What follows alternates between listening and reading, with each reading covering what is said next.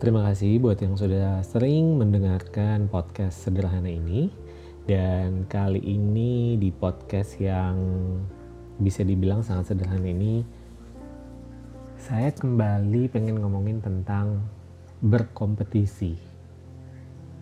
Kali ini berkompetisi bukan dengan orang lain, tapi berkompetisi dengan diri sendiri. Sering sekali kan kita selalu mendengar, jangan membanding-bandingkan diri kita dengan orang lain jangan membanding-bandingkan diri kita dengan tetangga. Rumput tetangga akan selalu hijau, apalagi kalau dia pakai rumput plastik, ya kan? Terus uh, makin ke sini sosial media juga kalau kita lihat nggak ada juga yang akan menunjukkan kehidupan yang biasa-biasa aja.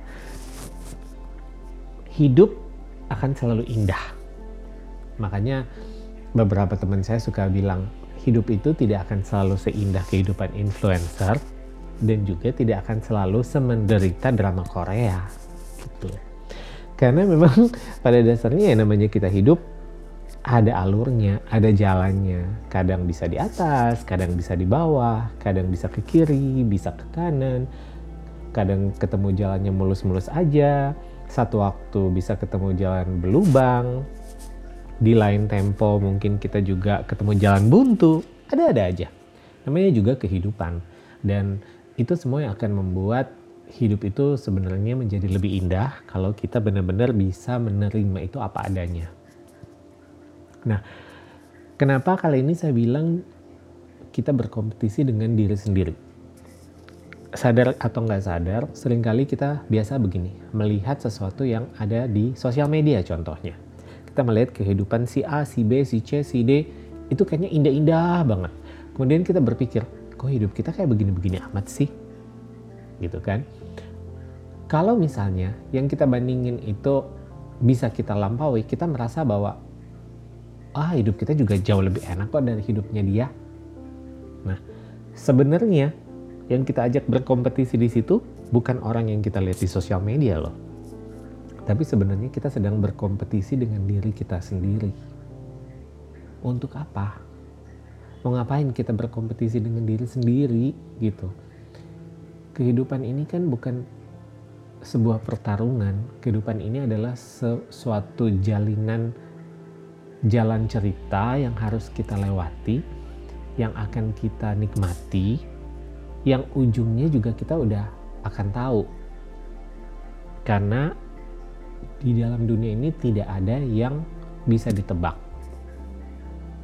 Kalau mungkin ada yang pernah mendengar beberapa kali ajaran Buddha misalnya.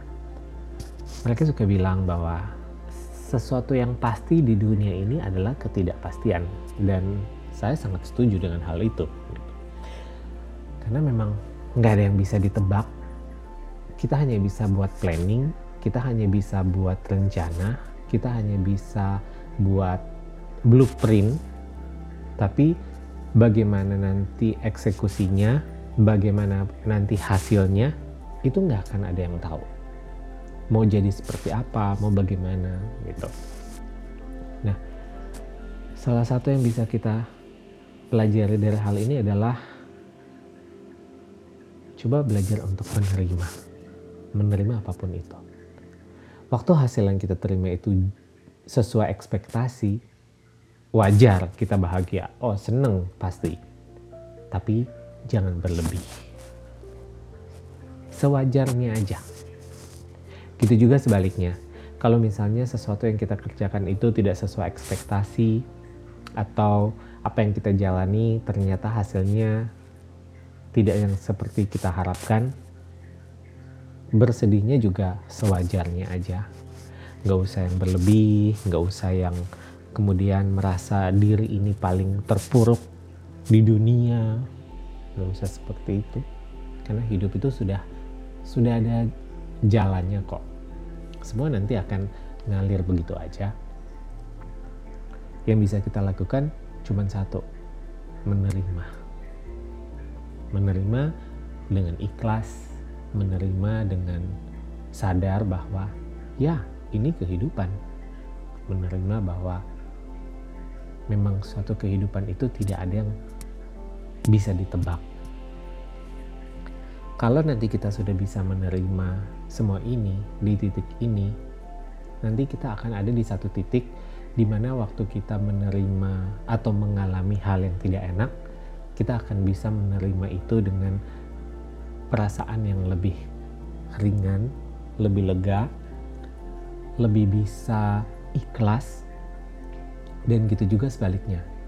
Pada waktu kita mendapatkan sesuatu yang sesuai dengan ekspektasi, sesuai harapan, atau bahkan lebih beyond on our expectation, itu kita akan menerima itu menjadi sesuatu yang kita syukuri dengan sewajarnya, tidak berlebih, kemudian juga tidak membanding-bandingkan hidup kita dengan orang lain, dan akhirnya kita juga tidak akan menjadi orang yang dalam tanda kutip menjadi orang yang tinggi hati yang merasa saya lebih dari dia atau saya lebih dari mereka.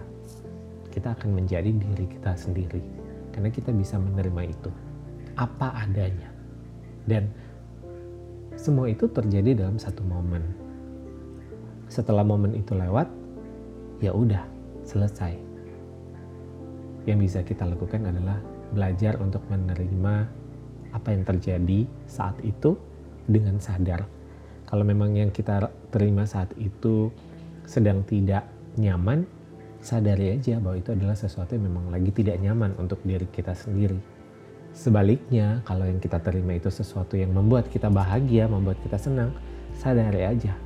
Itu adalah sesuatu yang memang membuat kita bahagia dan detik itu, saat itu kita memang bahagia. Ke depannya mau jadi seperti bagaimana, nggak usah terlalu dipaksakan.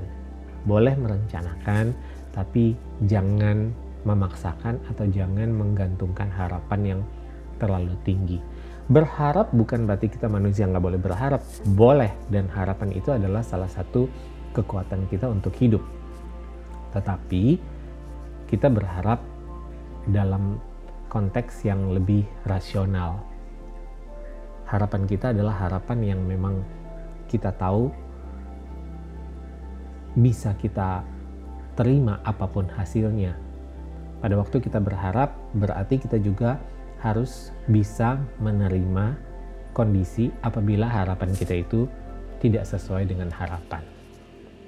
Kalau kita tidak bisa atau belum bisa menerima harapan itu tidak terwujud, sebaiknya sih jangan berharap, karena itu akan membuat kita lebih merasa kecil lagi, merasa sakit hati lagi gitu.